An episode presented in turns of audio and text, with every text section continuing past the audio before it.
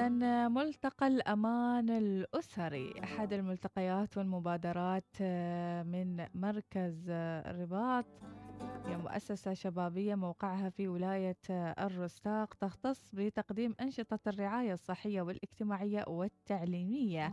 راح نتعرف إن شاء الله على ملتقى الأمان الأسري وعلى إيش راح يركز وإيش أهم الموضوعات اللي راح يركزون فيها لتطوير العلاقات الأسرية وحتى دعم الأمان في محيط الأسرة.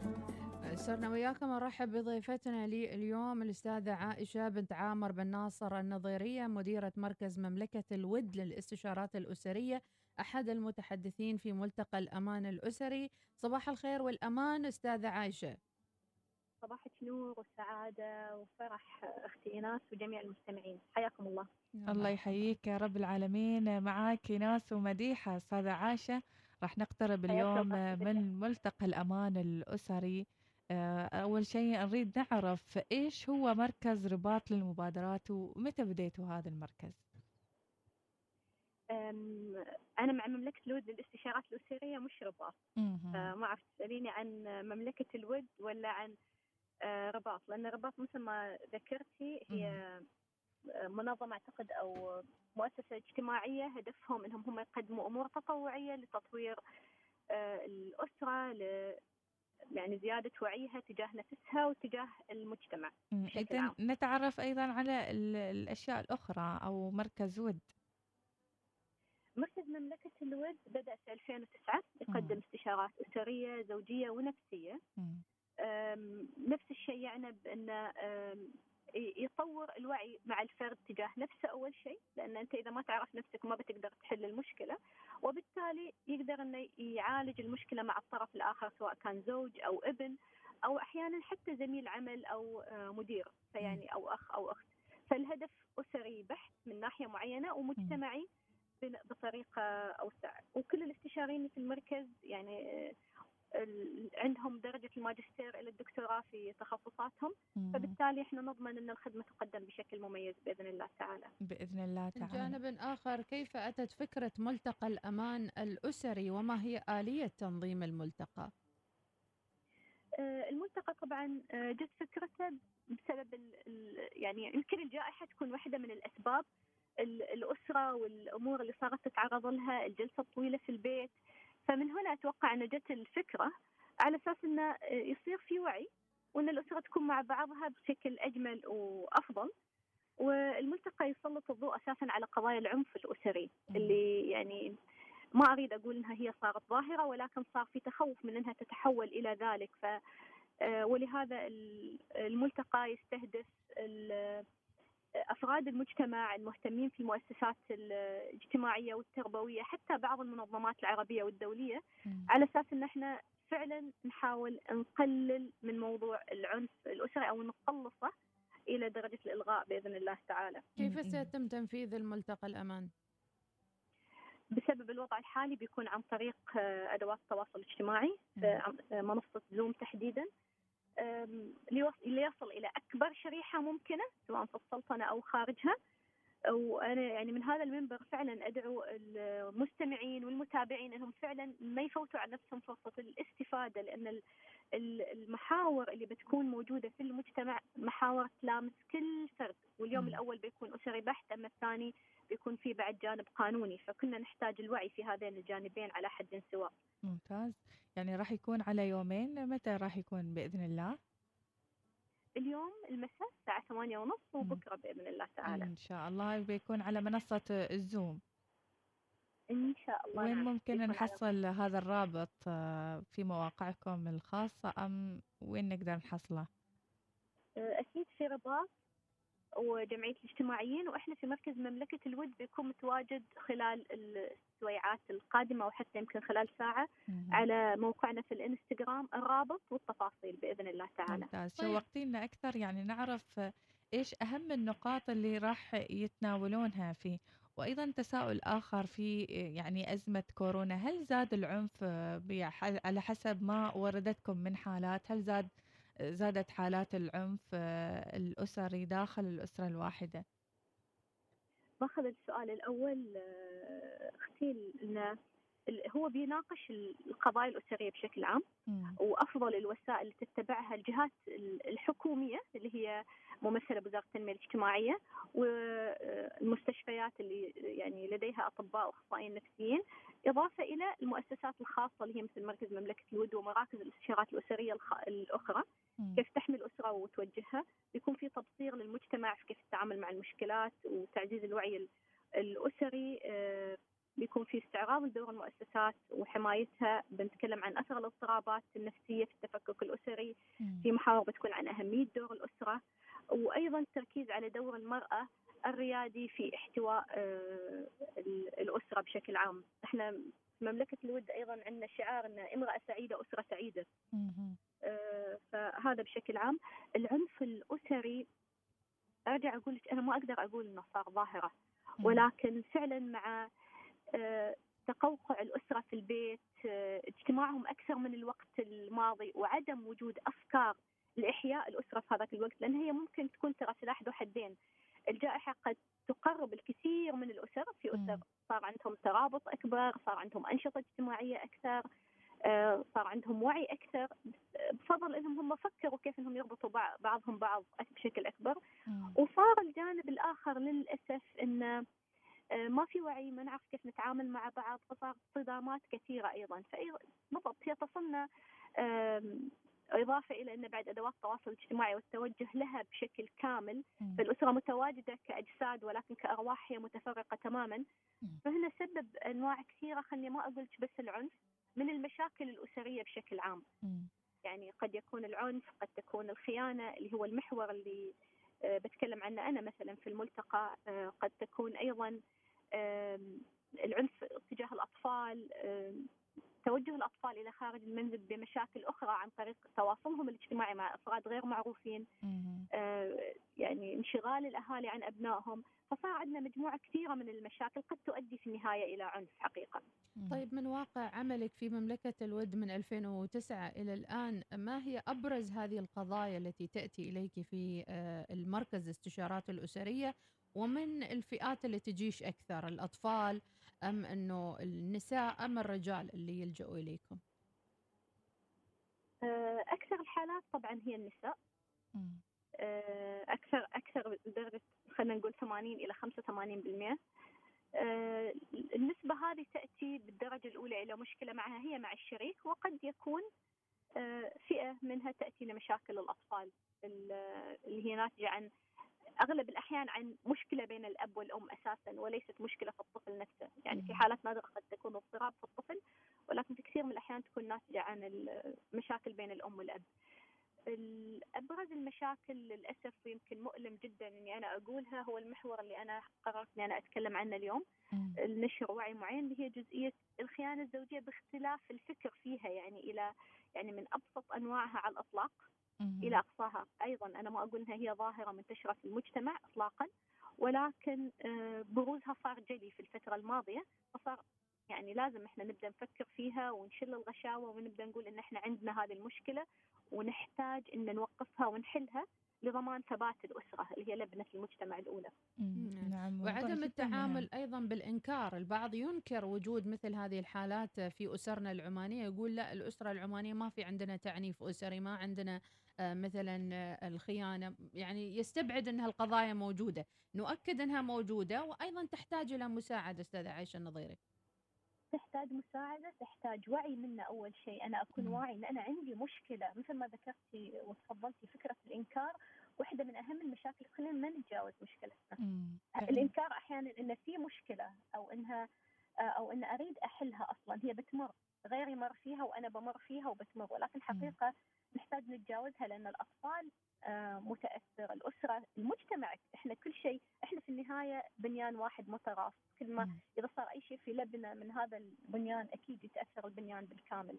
أكيد. والاعتراف بالمشكلة هو آه، يعني نسبة كبيرة من الحل أنك تعترف بأنك واقع في هذه المشكلة. موضوع جدا مهم موضوع آه، الخيانة أستاذة عائشة. هل من نقاط أساسية راح تركزين عليها في هذا المحور بالتحديد؟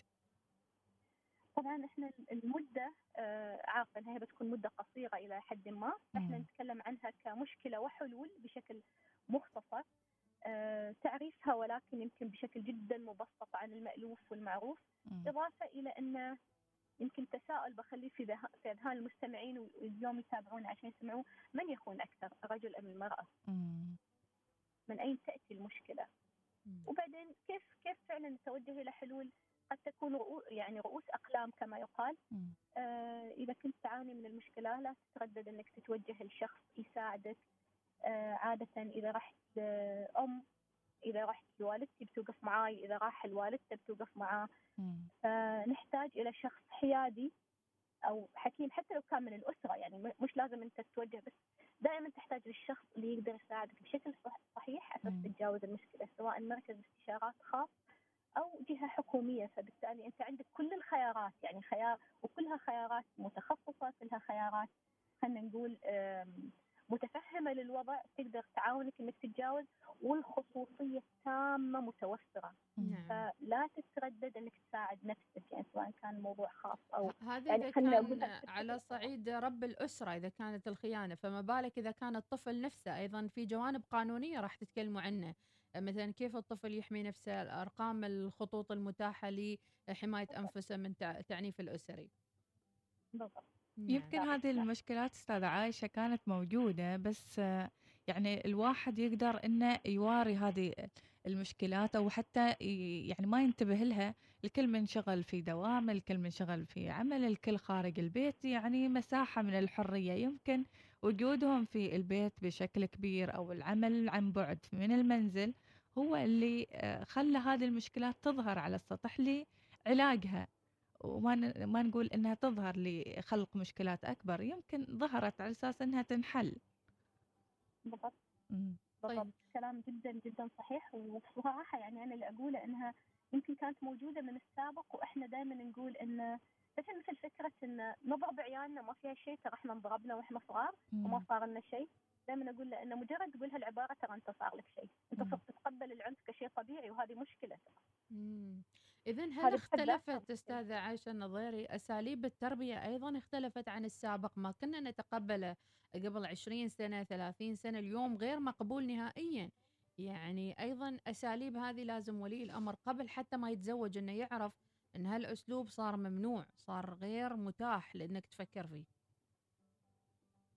هو خلينا ناخذها بطريقة ثانية. هو من البدايات مرفوض ولكن استخدامه بسبب عدم وجود الوعي يعني إذا يجوني أحيانا بعض حالات الخيانة اليوم أو حتى حالات الصمت على العنف الزوجي سواء ترى العنف قد لا يكون فقط من الرجل على المرأة كما نتوقع أحيانا يكون من المرأة على الرجل. ف آه، يعني في كل هذه الحالات أحيانا يكون ناتج عن عنف الطفولة ولكن عدم وجود الوعي ويوجد أحقاد أحيانا عند بعض الحالات اللي اعمارهم تتجاوز 30 35 على الوالدين بسبب العنف اللي تعرضوا له ولكن دائما نقول لهم إنه لم يكن لديهم الوعي الكافي. كان بالنسبة لهم هذه أفضل طريقة لأنشئك بأحسن طريقة ممكنة. لم يكن حقد من وجهة نظرهم. ولكن اليوم دام في وعي أنت صرت ملزم إنك ما تستخدم هذه الطريقة. فتلقائيا اختلفت الوسائل. بس في ناس من هذاك الزمن ترى كان عندهم وعي. قد يكون الأسلوب موجود ولكن في ناس كان عندهم وعي.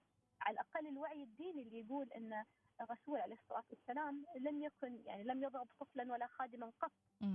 تحريم الضرب على الوجه مثلا. الضرب مثلا في أي مواضع ذكر في الإسلام حتى لو قلت لك تربية دينية هي تربية ولكن ما كان في وعي.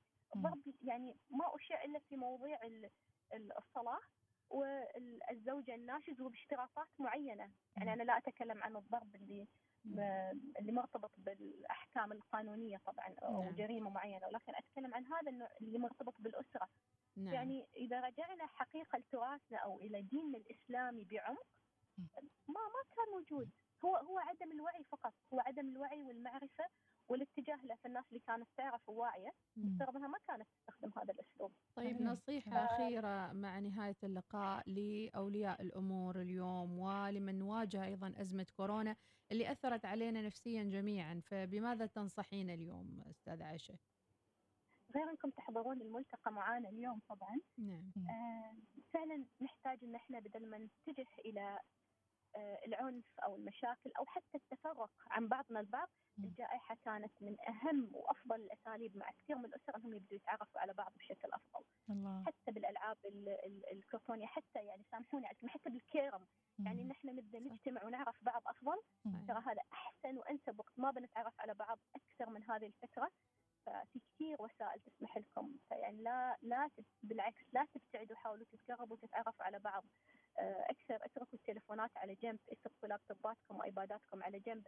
أنتم اولى انكم أنتم تعرفوا بعض أولادكم زوجاتكم أخوانكم. فيعني ها هذه نصيحتي الأخيرة اللي أتمنى فعلا إنها تلامس القلوب وتجد صدى عند المستمعين والمتابعين ويمكن أحيانا الواحد مضطر إنه يترك تليفونه علشان يتعرف على نفسه قبل. خاصة فيها بالضبط. حقيقة يعني صحيح. فعلا تنسى حتى نفسك وأنت تتابع من من موقع الموقع الموقع وترى العائد جدا ضئيل. العائد حتى الثقافي جدا ضئيل. ترى ما تتعرف على شيء. في النهاية في كثير من يعني الأشياء اللي للأسف للأسف يعني يعني حرام إنك تضيع وقتك عليها. يعني الأولى إنك أنت تعطي نفسك وقت في شيء آخر يعني. صحيح. والله شوقتينا استاذه عاشه يعني أنا متفائلة يعني ومتخيلة أن هذا الملتقى راح تكون في نقاط آه، ساخنة جدا مهمة للأسرة نعم. بدرجة أولى. إن شاء الله راح نكون حاضرين معاكم اليوم المساء آه، اليوم المساء الساعة كم؟ ثمانية. الساعة ثمانية بإذن الله تعالى. ورابط آه، يعني أنا أتمنى أن يوصلوا لكم إياه عن طريق جمعية المجتمعين ولكن أنا إن شاء الله الحين ما سألت عنه نحطه في انستغرام المركز يعني تكتب بس مملكة الود للاستشارات الأسرية. وتحط له رابط في الانستغرام بإذن الله تعالى. إن شاء الله شكرا لك أستاذة عائشة شكرا لك. العفو موفقين بإذن الله وسعيدة بهذا اللقاء الله يحفظك. شكرا لك.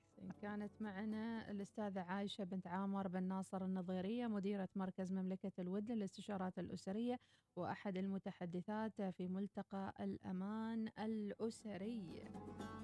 ما شاء الله عليها متحدثة آه، عميقة جدا بأفكارها بكلماتها أيضا يعني مثل ما قلت مديح أتوقع أن هذا الملتقى ملتقى مهم جدا للأسر إنهم يعرفون وينتبهون لأمور ما كانوا منتبهين لها قبل. فعلا إعادة صياغة تشكيل الأسرة أيضا وأنفسهم وكيف يتعاملوا مع هذا الجيل الجديد، مم. نحن نربيهم لزمان غير زماننا يعني مم. لا الأساليب اللي كانت أول ممكن اليوم لازم تتكيف وتتغير مع المعطيات الجديدة. م. اليوم الطفل يبغى تيك توك يبغى انستغرام يبغى يظهر يبغى يروح يبغى يغير حتى لبسه يغير حتى شكله. آه فهذه مرحلة لازم الأهالي يثقفوا نفسهم حتى يخرجوا منها إلى بر الأمان مع جميع آه الأفراد خاصة إنه هذا في الآخر جزء من المواطنة. إذا أنت شكلت يعني حد من أعضاء الأسرة مريض أو عليل أو تعبان بيرجع على المجتمع بالآخر. وحلو في الموضوع أنه يعني يقولون أن الأطفال يو يفهموكم رسائل الحياة بصورة مختلفة ولا لم يأتوا علشان تلقمونهم آه، اللي صار لكم أنتم في حياتكم صحيح. وتعيدون السيناريو معاهم. أو حتى يعني تصححوا اخطائكم في بعض الناس لا اللي سواه أبوي أنا ما بسوي اللي سوى اللي سويته أنا ما بسوي. ما له علاقة هو نسخته الجديدة. نسخة جديدة إن شاء الله يعني آه، أفكارك حطها على صوب وخلي هو يبدأ حياته من نفسه توفر له البيئة المناسبة البيئة الهادية البيئة اللي فيها حب السلام وهو يختار آه، اللي يريد يكونه. نعم. إذا كونوا حاضرين إن شاء الله الرابط راح نضع لكم على صفحتنا بموقع الوصال فاصل ونعود مع المزيد.